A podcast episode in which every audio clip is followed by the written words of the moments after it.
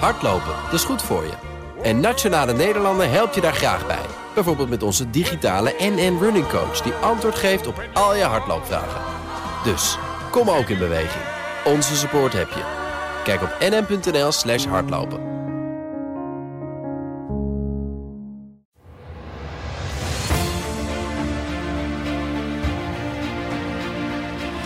Dat type springhaankapitalisme, daar hebben wij echt een broertje dood aan. Uiteindelijk is iedereen in, in het hart gewoon een sociaaldemocraat. Dit is Project Binnenhof, de politieke podcast van BNR Nieuwsradio.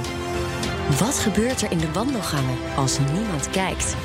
Met Laurens Boven en Sophie van Leeuwen. Welkom bij Project Binnenhof, de vijfde alweer over de Haagse wandelgangen. Wat gebeurt daar eigenlijk? En nu het post-liberale tijdperk is aangebroken. Eindelijk. Ik ben Sophie van Leeuwen, dat was Gijs van Dijk. Naast mij zit... Laurens Boven. En onze tweede gast... Koen Brummer. Koen Brummer moet iets dichter bij de microfoon. Dus veel dichter bij de mic. Heel dichterbij. Goed diep erin praten. Bijna met je kinderen tegenaan. Als een echte postliberaal. Uh, staatsingrijpen, protectionisme, daar gaan we het over hebben. Het kabinet wil de telecomsector beschermen, koopt fors aandelen Air France KLM in, minder marktwerking in de zorg, Post NL, een monopolie. Het lijkt wel alsof het kabinet het advies van Arjen Lubach heeft opgevolgd. It's going to be America first. But can we just say the Netherlands second? Is that okay? The Netherlands second. Dit filmpje ging de hele wereld over twee jaar terug. Hebben jullie gezien, Gijs en Koen? Zeker. Zeker. Ja. Um, als Trump zijn economie beschermt, als de Fransen dat doen, dan kunnen wij Nederlanders dat ook, zal minister Wopke Hoekstra denken van Financiën. Um, Gijs van Dijk, Kamerlid van de PvdA. Koen Brummer, directeur van de Van Mierlo Stichting. Ben jij het brein achter D66? dus een D66 is altijd heel wantrouwend over als je je zo voorstelt. Nou, dat doe ik gewoon. En zometeen komt misschien nog Eppo Bruins binnenrennen, Kamerlid voor de ChristenUnie. En de eerste vraag is: heeft Wopke Hoekstra goed naar Lubach geluisterd? The Netherlands second of the Netherlands first? Wat denken jullie? Nou, uh, ik denk dat hij wel een goed besluit heeft genomen. Ik kan me herinneren dat ik hier ook heb gezeten met Jan Paternotte. Uh, dat was een paar dagen voor de, uh, de, de, overval van het Nederlands kabinet voor de aandelen van uh, KLM Air France. Toen hebben wij nog de verwachting uitgesproken, of in ieder geval de wens, dat ze allebei aandelen zouden terugnemen. Omdat dat de afspraak was hè, tussen KLM en Air France. Nou, het kabinet heeft direct naar ons geluisterd. En een paar dagen later hebben ze aandelen aangekocht. Ja, ik vind het heel leuk, Gijs, dat je erover begint. ik, ik kan me voorstellen dat Jan Paternotte, die dus heel uh, stoer hier verkondigde dat Nederland zich inderdaad terug moet trekken uit KLM. Hij heeft natuurlijk de lachers op de hand gekregen de dagen daarna, toen het kabinet is bleken tegenovergesteld. Hoe was dat met jou? Heb, heb, heb je een beetje op je donder gekregen van wat heb je nou toch weer gezegd? Hoe, hoe erg naast kan je er zitten? Nou, volgens mij hebben we wel geholpen aan extra luisteraars naar deze podcast. Want ik denk uh, dat hij nog wel een paar keer naar is verwezen. Uh, ik heb er ook met Jan overigens wel even hartelijk om gelachen. Kijk, wij wilden natuurlijk hetzelfde. namelijk dat de belangen van KLM KLM goed uh, behartigd zouden worden door de Nederlandse overheid. En dat kon via twee kanten. Dus de uitkomst van onze wens is in die zin hetzelfde. Alleen de manier is natuurlijk anders. Ja, maar zelfs de minister, Wopke Hoekstra, heeft zitten glimlachen. Omdat hij op dat moment natuurlijk al aan het inkopen was. Ja, en zelfs dat, uh, denk ik, voor ons beiden geldt dat de financiewoordvoerders in onze beide partijen al op de hoogte waren. Want die waren die dinsdag al op de hoogte gesteld. Maar ja, die hadden geheimhouding getekend. Dus die mochten dat aan niemand vertellen. Dus ik denk ook dat Henk Nijboer, en wie doet de financiën bij D66, even uit mijn hoofd sneller. sneller ja, uh, dat die misschien wel even een glimlach niet konden onderdrukken. Tja, er zijn nog veel meer dingen aan de hand dan uh, het KLM-verhaal. En ik wil van jullie vandaag even weten. Straks gaan we weer voorspellingen doen trouwens. Over protectionisme. Maar wat is hier nu aan de hand? Het kabinet gedomineerd door liberalen, VVD D66. Is dit nou een plotselinge lichtflits uit de hemel? Of, of zijn, ze, zijn ze in de ministerraad van hun vrije markt geloof gevallen op een dag? Koen Brummer? ja, grappig verhaal trouwens. Ik wist niet dat dit serieus zo gelopen was. Dat je die had zitten verkondigen en dat het toen al was. Nee, ik denk dat... Um, Kijk, je moet het een beetje, een beetje uit elkaar trekken hè, als je dit wil begrijpen. Voor KLM Air France in combinatie tot Schiphol, daar was best wel wat voor te zeggen om dat nu te doen. Uh, volgens mij hebben ook een aantal partijen in de Kamer wel gezegd van joh, je moet er op een gegeven moment wel weer van af en hoe ga je dat doen? Want dit is niet wat je als overheid zou moeten doen met dit soort, uh, met dit soort private bedrijven. Van Joost ja, dat, ook. Zei, uh, dat zei Joost inderdaad. Van je moet doen naar een exit-strategie. Dat lijkt mij ook. Kijk, um, iets anders is de vraag. Um, is eigenlijk, dat is meer een abstracte vraag. Wat versta je onder een vrije markt? En hoe zie jij voor je dat bedrijven opereren uh, in een land, in Europa, in de wereld? En daar zie je de laatste nou, jaren misschien wel een zekere uh, terugslag op het idee dat een vrije markt betekent dat je hè, een soort vrijheid, blijheid, zorgeloosheid laat al die bedrijven maar doen wat ze willen en dan komt het vanzelf goed dat is volgens mijn idee van liberalisme niet wat uh, een vrije markt is. Daar heb je een overheid nodig die regels zet, die stuurt. Dat is alleen maar complexer geworden in deze tijd waarin uh, sommige bedrijven groter zijn dan staten. Uh, we leefden lang met het idee dat een bedrijf als Facebook, uh, hè, nou, als ze maar genoeg zouden groeien en iedereen connected zou raken, stond de wereldvrede op uitbreken. Dat bleek niet zo te zijn. En dan zie je ook dat voor het beschermen van het publieke belang een overheid nodig is. Maar dat is wel gek dat dat nu allemaal zo op ons dak komt. Hè? Die de telecommarkt gaan we beschermen in één week tijd. We hebben de discussie rond de monopolie in, in de postmarkt. Het mag weer allemaal. Is dit nou een langzame draai of een, een plotselinge draai die we hier zien? Want vergeet ook niet dat ook begin deze week jouw partijleider Rob Jetten een speech heeft gegeven hier in Den Haag, recht tegenover het Tweede Kamergebouw, waar het letterlijk hierover ging. Waar hij letterlijk zei, uh, ik heb het hier bij me, het gaat over marktweg, macht heeft hij het dan. Ik sta voor een echte markt, een markt met duidelijke speelregels en een strenge marktmeester die hard durft op te treden. De overheid moet dus hard optreden op de markt, dat is wat hij zegt. Terwijl natuurlijk de afgelopen 25 jaar dat niet zo was. Dus, dus jullie hebben ook exact deze week dit gezegd. Ja, ik had het ook niet beter kunnen zeggen. Nou, je hebt het misschien wel geschreven zelfs. je bent de baas van het wetenschappelijk bureau van D66. Dit komt, hier heb jij meegeschreven aan deze speech. Nee, maar dus leg dat eens uit. Wat precies wil je dat uit? Nou, waarom precies in deze week dit opeens zo opspeelt? Waarom het allemaal samenkomt? Nou, kijk, dat, dat weet ik niet zeker. Kijk, ik weet wel, zo'n lezing wordt natuurlijk al veel langer van tevoren uh, voorbereid. Uh, ik heb daar met Rob over gesproken. Meerdere mensen hebben daar met Rob Jette over gesproken. Um, die ideeën zijn niet heel nieuw. Uh, er hebben ook wel commentatoren in allerlei kranten geschreven dat de ideeën die in die lezing stonden op zich wel zijn terug te vinden in D66 verkiezingsprogramma's en dergelijke. Maar wat. Maar jullie hebben de behoefte om dat dus allemaal op elkaar te vegen, in midden in een nieuwe mhm. verkiezingscampagne ook nog eens een keer. Mhm. Dus kennelijk, wat, wat komt daar samen? Wat is er bij D66 gebeurd dat dat allemaal nu dus in die speech moet? Nou, kijk, dat weet ik niet. Hè. Ik denk wel dat verschillende partijleiders zetten verschillende accenten. Uh, dit is wel echt het verhaal van Rob Jetten, volgens mij. Um, maar of je daar nou heel veel strategie achter moet zoeken... als in precies een week voor de verkiezingen gaan we dit zeggen... Uh, Zo'n uitnodiging voor een lezing die komt een half jaar van tevoren of iets dergelijks, geloof ik.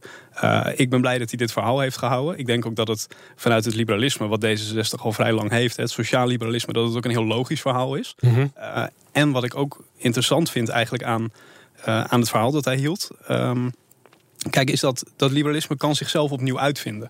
Uh, liberalen in de 19e eeuw vochten tegen heel andere uitdagingen dan liberalen halverwege de 20e eeuw en liberalen vandaag. En wat ik mooi vind aan het sociaal liberalisme, dat heeft een hele lange geschiedenis, een rijke traditie waar het in staat. Waarbij ook uh, uh, het kinderwetje van Samuel van Houten is er een uitkomst van. Dat waren niet, zeg ik met een knipoog naar mijn buurman, de vroege voorlopers van de Sociaaldemocraten. Dat waren liberalen die ja. zeiden: je moet ingrijpen in die markt. Maar, maar je zegt dus, Koen, dat het liberalisme zich nu opnieuw aan het uitvinden is? Deze week?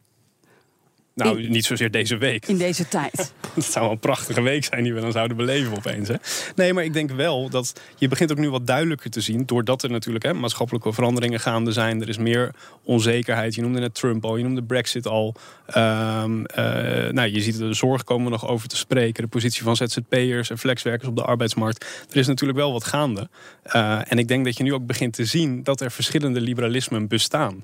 Uh, we hadden altijd al een soort splitsing tussen dat liberalisme van de VVD. Dat is in Nederland eigenlijk steeds meer een, een conservatisme aan het worden misschien wel. Het klassieke liberalisme? Ja, weet ik. Ook heel conservatief. Ja, ik vind dat ze daar heel. Ik denk zelfs dat je ze geen klassiek liberalen meer kan noemen, zo langzamerhand. Ja. Daar, daar zijn we het eens. Geweldig. Maar Koen, deze, deze podcast gaat ook over uh, wat er uh, achter de schermen in Den Haag uh, gebeurt. Ja. Um, dus dat is ook wel een beetje de, de vraag aan jou dan, om dat is, dat is, de, dat is uit te leggen. Want die speech is voor D66 was is belangrijk, die deze, begin deze week is gegeven. Het is groot aangekondigd ook door de partij als de eerste speech van Jette op het grote toneel als politiek leider van D66. Dus, dus wat, welke beslissingen hebben daar in, binnen de partij zijn er aan vooraf gegaan om die speech op deze manier zo neer te zetten? Wat, hoe, hoe ging die discussie? Maar nu ga je ervan uit dat ik daar volledig bij betrokken ben. En dat is niet zo. Ik spreek het regelmatig met Rob Jetten. We hebben goed contact, we kennen elkaar. Jullie zijn even oud, hè? Dat, dat, dat valt me ook op. Er zijn zeer jonge leiders bij D66. Sterker nog, die vent is een jaar jonger dan ik. Kijk aan. Ja. Maar goed, jij bent ook nog een jonge dertiger, toch al directeur? ja, dankjewel. Um, nee, maar wat gebeurt er dan? Kijk, uh, wij hebben volgens mij een collega, Daniel Boomsma van de Vermeerder Stichting... en ik hebben in oktober ook in NRC, toen hij net aantrad... al een keer een artikel geschreven waarin we uh, zeggen dat kansengelijkheid belangrijk is voor D66'ers. Uh, dat emancipatie van het individu nog steeds onverminderd belangrijk is. Dat je macht van grote bedrijven uh, altijd moet, moet, moet, uh, moet inperken ten behoeve van het algemeen belang. Dus dat zijn in die zin niet heel erg nieuwe dingen die opeens boven water komen omdat er een lezing gehouden moet worden. Even nog naar Gijs van Dijk, PvdA. Zagen jullie dit nou aankomen in de wandelgangen? Hebben jullie hier iets van meegekregen van dit postliberalisme deze week? Nou, je ziet wel al langer natuurlijk. Er zijn voor mij twee tendensen. Uh, en daar komen we wel achter de scherm te praten. Maar ten eerste zien we inderdaad na zo'n twintig jaar dat er zijn natuurlijk een aantal publieke diensten uh, vermarkt. En hebben we daar, zien we daar nu de gevolgen van. Zowel de mensen die bijvoorbeeld werken bij de post, uh, die inderdaad als, als zeer onzekere zelfstandige of als, als zeer laag betaalde medewerker daar zitten. Als wel de klant. Die, ziet ook dat de kwaliteit achteruit aan het lopen is. Dus logischerwijs kom je dan na een aantal jaar tot de conclusie: hey, hadden we dit wel ooit moeten doen en moeten we het niet terughalen? Moeten we er niet een monopolie van maken? Dus die, die discussie speelt bij jullie ook, want de sociaaldemocratie heeft natuurlijk ook meegewerkt aan de uitverkoop. Ja, dat is, dat is die, de, de beroemde derde weg, hè, waar, waar meerdere partijen, ook de Partij van de Arbeid, op een gegeven moment is in gaan geloven. En wij hebben al langer, uh, uh, zijn wij van mening dat we echt dat we moeten, juist moeten werken aan die bestaanszekerheid. En dat het past dat je een actieve overheid hebt, eigenlijk ook wat jij net zegt, die ervoor zorgt dat die markt grenzen heeft. En dat je je moet afvragen of marktwerking in de zorg tot betere kwaliteit leidt. Net als wat Hugo de Jonge stelde. Ik denk van niet. Dat betekent dus dat we weer delen die we hebben verkocht in het verleden moeten terugpakken. En dat zie je nu samenkomen. Dat zie je nu in de zorg, dat zie je in de luchtvaart. Dat is een publiek belang. Dat zie je bij de post. En dat vind ik een hele uh, positieve ontwikkeling. Je had het over achter de schermen? Nou ja, achter de schermen zijn er verschillende. Ik bedoel, ik, dus die post, die, die, die discussie liep gewoon al langer in Den Haag. Dus logisch dat hij op een gegeven moment uh, dat, dat dit eruit is gekomen. Uh, uiteindelijk hoop ik wel, met name de ontwikkeling bij het CDA, dat die ook echt inhoudelijk is. Want ik zie uh, Wopke Hoekstra die nu ook echt zegt, uh, publiek belang, dus wij mogen en moeten ook als overheid uh, via aandelen invloed gaan uitoefenen. Wij willen ook een actieve het aandeelhouderschap ook actief invullen, positief.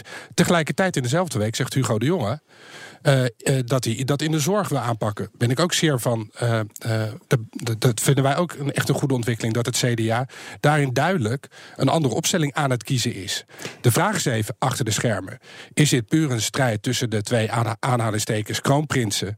Waarbij Hugo de Jonge schrikt van Hoekstra, die goed uit, uit de hoek komt? Of is het echt een inhoudelijke ontwikkeling bij het CDA. die we ook de komende jaren zullen blijven zien? Ik hoop het tweede. En gezien de mensen die, nu, die ik nu in de Kamer zie, vind ik ook wel dat het bij hen past. Dat het ook wel bij de kleur van het CDA past. En dan zie je dat, het, dat er wat, meer partijen buiten linksom D60, uh, we hebben Jet ook gezien, uh, dat er ook een meerderheid aan het ontstaan is om een aantal dingen weer terug te halen. Of in ieder geval een overheid te hebben die zich actief opstelt en ook ziet dat de markt niet altijd het beste heeft gebracht. Is dit nou die serieuze draai? Ik, ik zie Apple Bruins van de ChristenUnie binnenkomen. Misschien moet jij even op de stoel van Laurens gaan zitten. Ja, kom erbij. We hebben, we, hebben, we, we hebben hier uh, vier microfoons. Ja. En we zijn er met z'n vijf. Ja. En dat is al nooit gebeurd. Als, alsof we, alsof we een, een, een boy choir zijn. Hè? Zo'n zo samen microfoon delen. Heel goed. Goed, ja. Dus uh, heb, je, heb je kunnen meeluisteren, uh, Eppo? Ja, ik heb het laatst uh, meegekregen. Ik was heel blij met de woorden van, van Gijs van Dijk. mooi om te zien dat ook de, de ja, de, de PvdA ook ja, de, het, de, het belang ziet van, van een goede marktmeester in de markt. Dat de vrije markt niet altijd maar het beste brengt. Dus is dit nu echt een serieuze draai? Of is het meer een, een wedstrijdje tussen Wopke Hoekstra en Hugo de Jonge over wie het sociaalst is vlak nou, voor de verkiezingen? Ik denk niet dat het een, per se een draai is van partijen. Ik denk dat we in een nieuwe tijd komen. Uh, de tijd uit de 80er, 90er jaren, waarbij partijen ja, hun heil zochten in de vrije markt. Hè, de, de, dat de hand van de vrije markt het allemaal meer, maar, uh, maar goed zou maken. Die tijd is echt voorbij. En uh, we hebben het, destijds het rapport van Roel Kuiper gehad, de Eerste Kamer parlementaire onderzoekscommissie. Uh, die ook heeft gezegd van ja, er is zoveel fout gegaan in die negentiger jaren, in die, in die paarse tijd. Um, het moet. Het, het moet anders. En ik, ik denk dat, dat er wel een stuk realiteitszin is gekomen. Ik, Koen wil even reageren van het D66 Wetenschappelijk Bureau. Ja, het is altijd grappig, want dan vinden ze dat je, dat je een sociale koers eh, met D66 voorstaat. En dan zet je me met iemand van de PvdA en iemand van de ChristenUnie aan tafel. En dan denk ik toch van ja, maar jongens. Kijk, we moeten ook niet gaan doen alsof markten slecht zijn. Uh, markten hebben natuurlijk ongelooflijk veel welvaart gecreëerd. Die hebben een ongelooflijk deel van de wereldbevolking uit de armoede gehaald. Uh, dat is in geen enkel ander systeem ooit gelukt in de geschiedenis van de mensheid. Dan citeer ik een tweet van Eppo deze week. Het religieus marktdenken is passé. Borgen van het publieke belang is een publieke taak. Markten functioneren dankzij strenge, rechtvaardige marktmeesters. Amen. Dat is Amen, niet Sophie.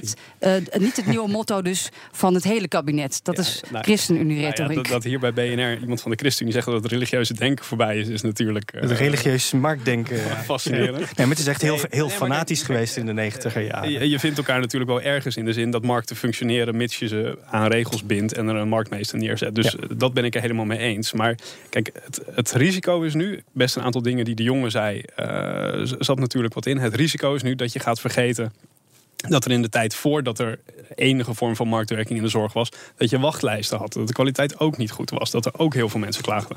Ehm, hè, een zekere balans in, in, in, in het analyseren van die dingen is wel belangrijk. Want anders gaan we nu allemaal de kant op hollen van weg met markten. Oh, wat zijn markten slecht. Terwijl, ehm, ja, dan ken je de overheid ook nog niet. Maar toch ben ik wel benieuwd wat er dan de afgelopen eh, tijd eigenlijk hier in, op het Binnenhof is gebeurd. Als je ook gewoon kijkt naar die politici die dit allemaal zeggen. Dit zijn allemaal wat jongere politici. De, de, de dertigers, jonge veertigers, die eigenlijk zijn opgegroeid dus in de jaren negentig, daar niet deel hebben uitgemaakt van de politiek. Dus, dus misschien eh, aan jou eerst even, Gijs, die vraag. Ehm, heb je, kijk je dan terug naar iets wat je hebt gezien in je, in je jeugd en denk je van nu ben ik er, nu kan ik eindelijk mijn woede die ik misschien had over Kok, Al die frustratie. al die frustratie kwijt en, en een einde maken aan dat, aan dat, aan dat, aan dat wat, wat zei De je? uitverkoop, toch? Ja, en je noemde dat, het- hoe noemde jij dat nou? De religieuze marktdenken. Ja. Nou ja, ik ben wel de politiek ingestapt eh, vanwege Partij van de Arbeid die van waarde 2011 heel, heel belangrijk weer centraal stelde. En eigenlijk zei de Partij van de Arbeid moet terug naar eh, de, de bestaanszekerheid van mensen. En als je vanuit het leven van mensen redeneert, dan wil je inderdaad gewoon dat er een goede zorg is, eh, dat de post wordt, wordt rondbezorgd en dat je een veilige vliegtuig in kan stappen. En dat de manier waarop dat de afgelopen jaren is gestuurd vanuit de politiek door meer vrijheid te geven aan de markt, niet altijd te goede is Ja, geweest. en Koen, En dat is ook de Partij van de Arbeid uiteindelijk in het verleden geweest die daarin heeft geloofd. Maar dan is het Partij van de Arbeid en denk ik ook andere partijen die dan ook zelf moeten zeggen. Dat Jette zegt dat is indirect wellicht ook afgelopen maandag. We moeten weer een paar stappen terugnemen. Want we willen juist dat het leven van mensen verbetert. En daarbij is die markt van belang, maar wel een markt die werkt. Koen, bij de afgelopen verkiezingscampagne, toen was je denk ik ook al de baas van het wetenschappelijk bureau.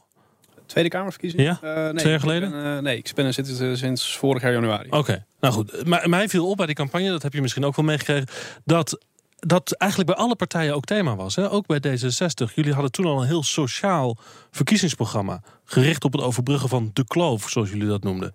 Tussen verschillende groepen in de samenleving. Dus die sociale draai zat er toen ook al in.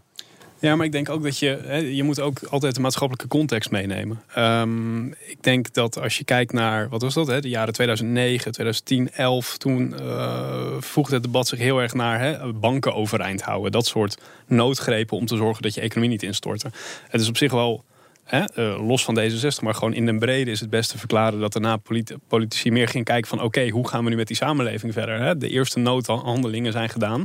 Eh, hoe zien we dat in een brede zin voor ons? Die samen, of die, die, dat evenwicht tussen burger, markt, overheid. Eh, Dat vind ik op zich niet heel gek dat dan die aandacht wat verschuift. Ik heb trouwens al in je essay gelezen gisteravond. eh, jij schrijft: de democratie is in het geding als private ondernemingen een grote invloed hebben op het publieke leven, maar slecht democratisch controleerbaar zijn. Ja, Dat schrijf exact. jij. Ja, zeker. En ehm, eh, dat is eh, eh, een, een historicus die even heeft geflirt met, met Forum voor Democratie, maar gelukkig weer, weer, weer, weer terug is. Frank Ankersmit, hè, een van de grote liberale politiek denkers van Nederland. Die heeft ook wel eens gezegd: hè, je had vroeger, hè, voor we eigenlijk de moderne liberale democratie hadden, had je heel veel private macht. Hè. Je had eh, adel en zo. En je had dan stukken grond waarop mensen maar een beetje konden werken. Maar alles stond in dienst van die, eh, van die private macht. Eh, ja, daar moet je niet naar terug willen. Liberalen hebben altijd juist eh, publieke belangen ook publiek controleerbaar willen maken. En ik vind dat heel interessant hoe dat nu helemaal terugkomt in die discussie, bijvoorbeeld rond tech op internet. Uh, dat je iets bijna wel een publiek belang kunt gaan noemen. Hè. Facebook is zo groot geworden. Uh, Amazon is zo groot geworden. Dat kun je bijna niet meer beschouwen als He, gewoon slimme bedrijven die daar, die daar lekker mee, mee aan de gang zijn en gewoon een goed product leveren. Ze zijn een, een markt op zich aan het worden. Apple Bruins. Ja, ik vind het heel mooi dat hij zegt: ja, publieke regulering, het, publiek belang. En een publiek het borgen van het publiek belang is een publieke taak. En wat ik denk is dat uh, um, waar, waar misschien iedereen in de afgelopen twintig jaar wel van is geschrokken, is dat die deregulering van de markt, die heeft ertoe geleid um, dat, het wel, nou ja, dat het wel lijkt alsof. Um, die markten en het financieel systeem en groei van de luchtvaart, alsof het allemaal maar volgens natuurwetten gaat waar je geen invloed op hebt. Alsof markten werken volgens natuurwetten, zoals atomen en moleculen. Maar dat is niet zo. Wij zijn de markt. Wij bepalen hoe die markt werkt. En ik denk dat we dat met z'n allen opnieuw zijn gaan beseffen, dat wij dat zijn en dat het niet iets is wat ons overkomt. En zaten jullie bij de ChristenUnie nou deze week in jullie kamertjes te juichen? Eh, toen jullie zagen wat er allemaal gebeurde in de Tweede Kamer? Nou, wij, wij pleiten al, al ja, zolang als dat de ChristenUnie bestaat, voor het borgen van publiek belang. Ik bedoel, Roel Kuiper heeft dat uh, natuurlijk al, al, jaren geleden gezegd. Maar ook uh, destijds tijdens de grote reguleringen in de, in de negentiger jaren uh, is er veel discussie geweest. Ik herinner me dat Arie Slop ooit nog eens een keer is uitgemaakt voor, voor iemand met, met ongezonde oranje gevoelens door D66er Laurens Jan Brinkhorst. Omdat hij, omdat hij opkwam voor de KLM. en, en ja, dan staan wij, nou, we hebben niet staan juichen, maar we zijn wel heel heel erg blij dat nu weer breder dat inzicht er is dat je een publiek belang publiek moet borgen. Maar het gaat het CDA, jullie collega's in de, in de coalitie, in het kabinet, die gaan er natuurlijk met de buit vandoor. Bobke Hoekstra, ook de staatssecretaris eh, Keizer, uh, die gaat over telecom. Deze week in het debat over KLM Air France, Erik Ronnes van het CDA. Luister even. Ik wil de heer Ronnes uh, graag vragen wat uh, ja, toch deze koerswending van het CDA. We hebben de vicepremier De Jonge gezien. We horen nu echt een, een lof op, uh, op uh, de heer Hoekstra. Wat deze betekent voor andere sectoren in de samenleving. Bijvoorbeeld de Volksbank. Dat is ook uw woordvoerderschap, dus dat is dichtbij. Ja. Zegt u nu ook van, nou, die moet niet naar de beurs dat past eigenlijk niet meer in deze tijd en bij de visie van het CDA op de samenleving. Ik heb daarop geantwoord dat uh, breed staan de opties open. En daarover kan ik verder op dit moment uh, niets meer zeggen. Ja, die laatste was Erik Rondes van het CDA even in debat met Henk Nijboer van de P van de A. Hij sluit niets meer uit. Alle deuren staan open. Hè. De, de Volksband, we, we kunnen nationaal ja. blijven. Ja, ik, ik hoor, ik, hij blijft een beetje vaag. En in die zin heb ik ook wel een beetje de vrees die Gijs ook uitsprak van ja, hoe echt is het nou bij het CDA? Ik hoop dat dat het CDA oprecht weer de waarde van de gemeenschap van de samenleving uh, erkent en herkent. En dat ze weer gaan zien dat de kracht van het land niet ligt bij de overheid, maar bij de samenleving. Ja, of is dat dus campagnetaal? Uh, want ja, zij gaan er met die hele zekerheidscampagne nou, vandoor. Als campagnetaal is voor Gijs van ja, Dijk. Uiteindelijk is iedereen in, in het hart gewoon een sociaaldemocraat. Dat kan niet ja, ja. ja maar dit, is toch wel, dit is toch wel grappig. Dan zit jij dus, Gijs, dit succes te claimen. Nee, als, als van het is. En, en datzelfde doet Apple van, vanuit de ChristenUnie met datzelfde verhaal. We hebben trouwens in, in, een vorige podcast met jou al een keer geconcludeerd dat uh, de ChristenUnie hier stilletjes deze hele coalitie naar zijn hand aan het zetten is. Hè? Oh, de ChristenUnie heeft het weer gedaan. nee, dat was jullie conclusie. Maar nee, kijk, wat, wat Gijs zegt. Uh, uh, we zitten hier natuurlijk op zich wel met, met drie partijen die wel oog hebben voor het, ja, sociaal, het sociaal belang. voor, voor kwetsbaren in de samenleving. je zit hier niet met, met, met de knijterrechtse oppositie te praten. Dus wij vinden elkaar daar. En ik, sociaal liberaal, sociaal-democraat of uh, christelijk sociaal. Uh, ja, dat hebben we alle drie wel in ons. Het is trouwens. Uh... Het, het, interessante is overigens wel, hè, dat als ik bij de heren ook hoor praten, is dat het vertrekpunt zo anders is. Uh, want ik hoor hier heel erg samenleving, uh, opkomen voor, voor bepaalde klassen en zo. Um, bij D66 is toch altijd dat beginpunt, dat individu en de vrijheid van het individu. En hoe kun je die zo goed mogelijk uh, hè, zich laten ontwikkelen, zich laten ontplooien uh, om een vrij leven te leiden. Maar en, dat begint toch met gelijke kansen? Het begint inderdaad en, precies en daar heb je die. Kansen, ja, ja. ja, Maar dus dat, dat begint inderdaad met heel erg kijken van wat moet je nou doen en ook zo snel mogelijk hoe kun je stoppen. Het is trouwens niet gelukt om voor deze podcast een VVD'er uh, uit te nodigen om in deze studio te komen. Die, die kijken even uit het raam. Die lukte niet. Hoe gaat het met ze? Wat denken jullie, Eppo? Nou, hoe het met de VVD'ers gaat? Ja, in Nou, deze context. Nou, mijn collega's die ik tegenkom, die lachen altijd nog heel vriendelijk naar me. En we hebben het goed met elkaar. Dus eh, nee, maar wat ik leuk vind, even, even naar tien seconden terug. We hebben het allemaal over, over zeg maar, het sociale hart van onze drie partijen. Alleen D66 gaat, komt vanuit het individu. Socialisme komt eigenlijk vanuit het volk. En de christendemocratie denkt vanuit de lokale gemeenschappen. Maar alle drie hebben. Toch? Jazeker, daar, dat is de basis van alles. en die brengt ons samen in lokale gemeenschappen. Maar eh, we komen vanuit drie totaal verschillende maatschappijvisies, maar hebben wel hart voor de kwetsbaren. En dat vind ik mooi om Ja, te zien. maar VVD, VVD kwam toch van de markt? Ik heb trouwens Ja. nog wel wat van de, Linde... die deze week heel kort in het debat Ja. eh, ook een lofzang eh, hield. De VVD vindt in, in dit geval het heel verdedigbaar dat Nederland zich positioneert als volwaardige gesprekspartner en zich bedient van dezelfde instrumenten als de Franse overheid. En het kabinet heeft een krachtig signaal uitgezonden. Het gelooft in die combinatie Air France KLM en het committeert zich daar ook aan. Ja, is het echt? Nou, Roald is best wel een hele vriendelijke VVD hoor. Ja, ik ken hem. Ja. Maar of is het de autoritaire top die spreekt... en geen kritiek op de grote leider? Eh, nee, Ro- Roald ken ik als iemand die wel vanuit zijn hart spreekt. En ehm, is ook wel onder de VVD'ers ook wel een echte liberaal. Ja, absoluut. Hij, hij gaf voor mij ook in dat eh, debat aan eh, afgelopen week dat dit echt een soort noodmaatregel was. Kon niet anders vanwege Ja. de belangen.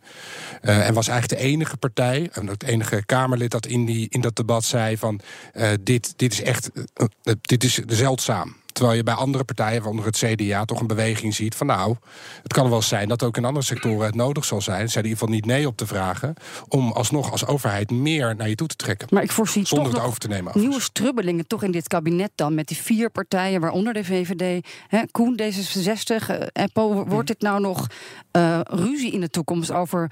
wat gaan we nationaliseren, welke aandelen kopen we... welk Nou, monopolie staan we toe? We hebben natuurlijk een regeerakkoord en daar hebben we gezegd... er komt een langere bedenktijd voor ondernemingen bij vijandige overnames.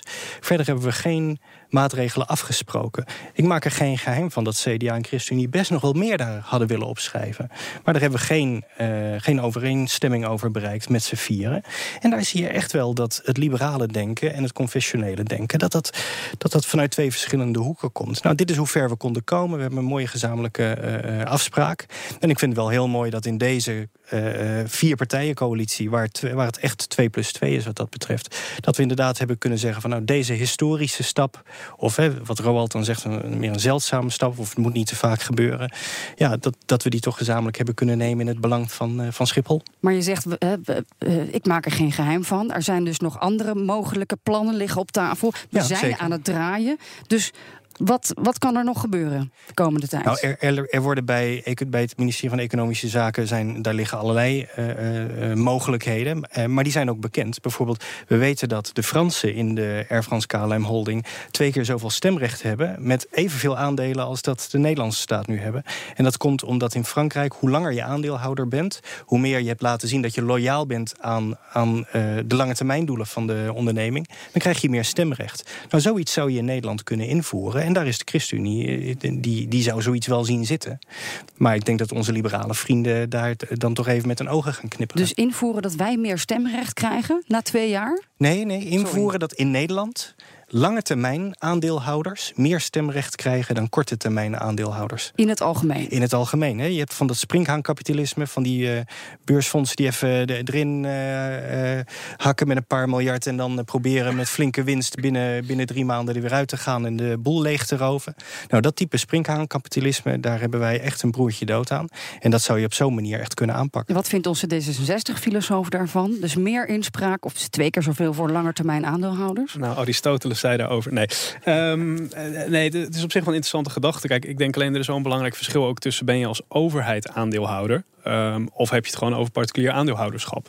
Ehm, kijk, de reden waarom, wat mij betreft, het ideaalbeeld is, is dat je een goed gereguleerde vrije markt hebt, maar met daarbinnen gewoon private bedrijven die functioneren, is omdat je van bedrijven natuurlijk dingen verwacht waar de overheid gewoon niet zo goed in is. Hè? Innovatief zijn, eh, bij de tijd blijven, met nieuwe eh, oplossingen komen. eh, met nieuwe, eh, of het dan gaat op duurzaamheid of comfort of verzin het maar.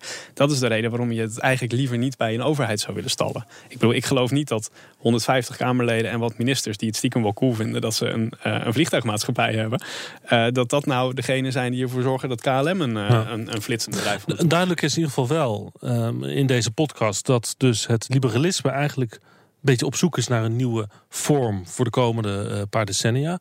Um, een weg van het eindjaren, uh, uh, weg van het jaren negentig liberalisme. Gijs van Dijk, die, jij zit met jouw partij in, in de oppositie. Ja. Je, je, je, zit erbij en kijkt ernaar in feite.